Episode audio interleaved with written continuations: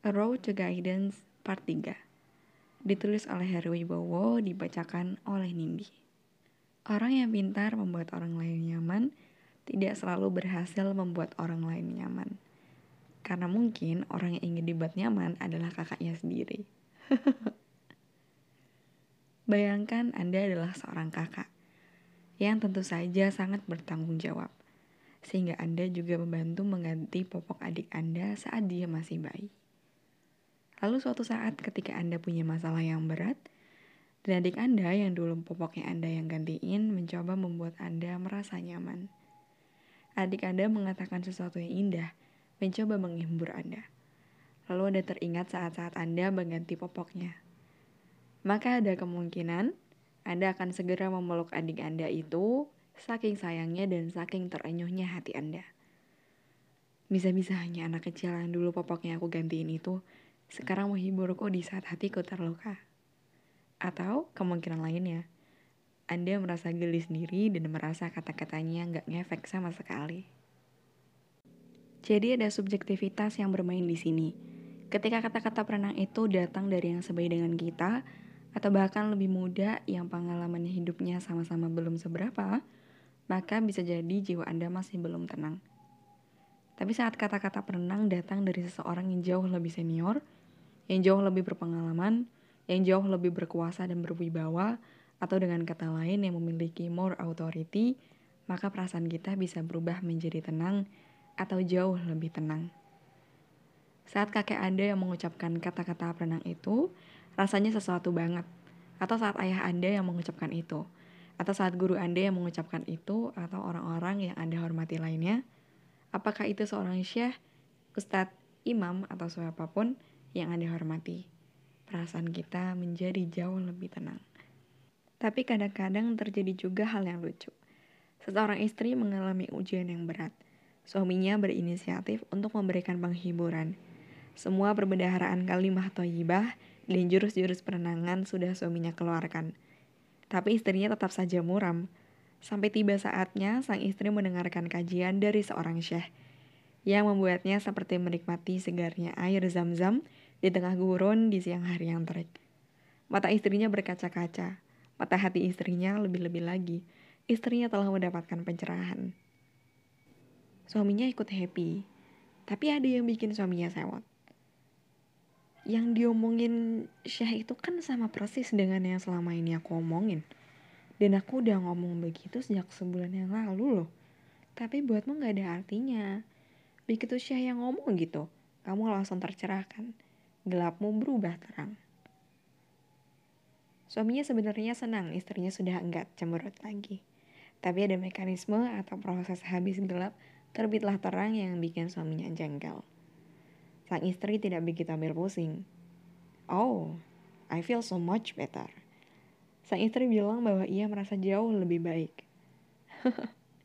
Istrinya cuek aja, gak ngerti perasaan suaminya yang masih dongkol.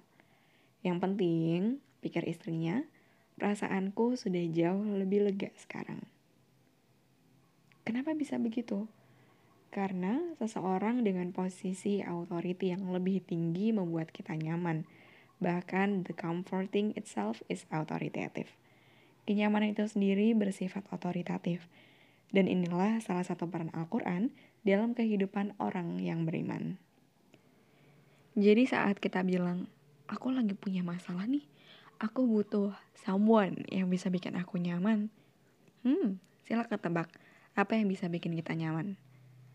Kata-kata Allah akan bikin kita nyaman. Kita buka Al-Quran, kita baca, dan Al-Quran akan membawa kenyamanan yang secara jitu menjawab ujian yang sedang kita hadapi.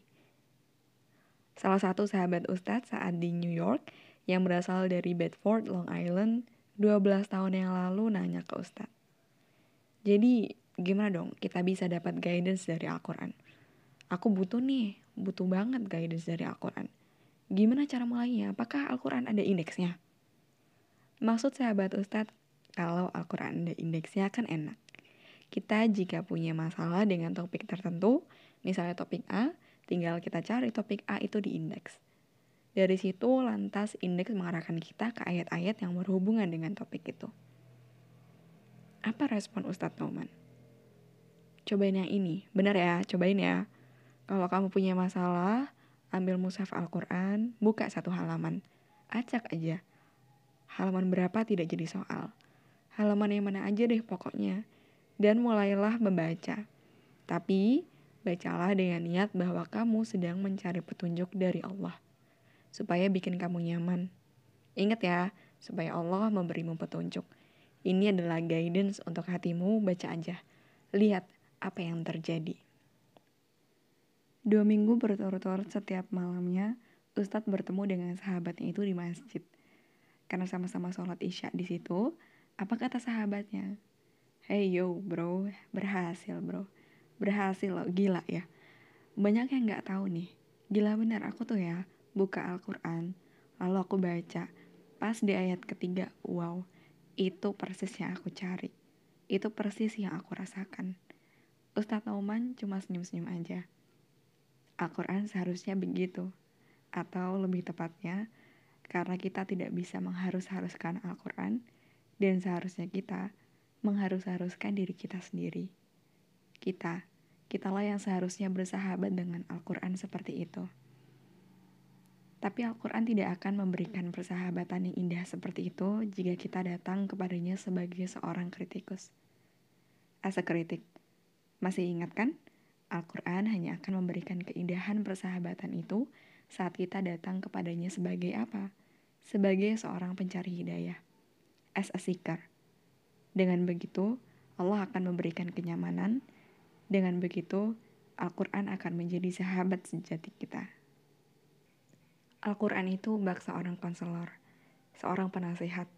Kita mendatanginya sebagai seorang yang butuh dinasehati, yang siap menerima nasihatnya, dan Al-Quran akan menjalankan fungsinya menasihati kita, menguatkan hati kita untuk menghadapi berbagai ujian kehidupan.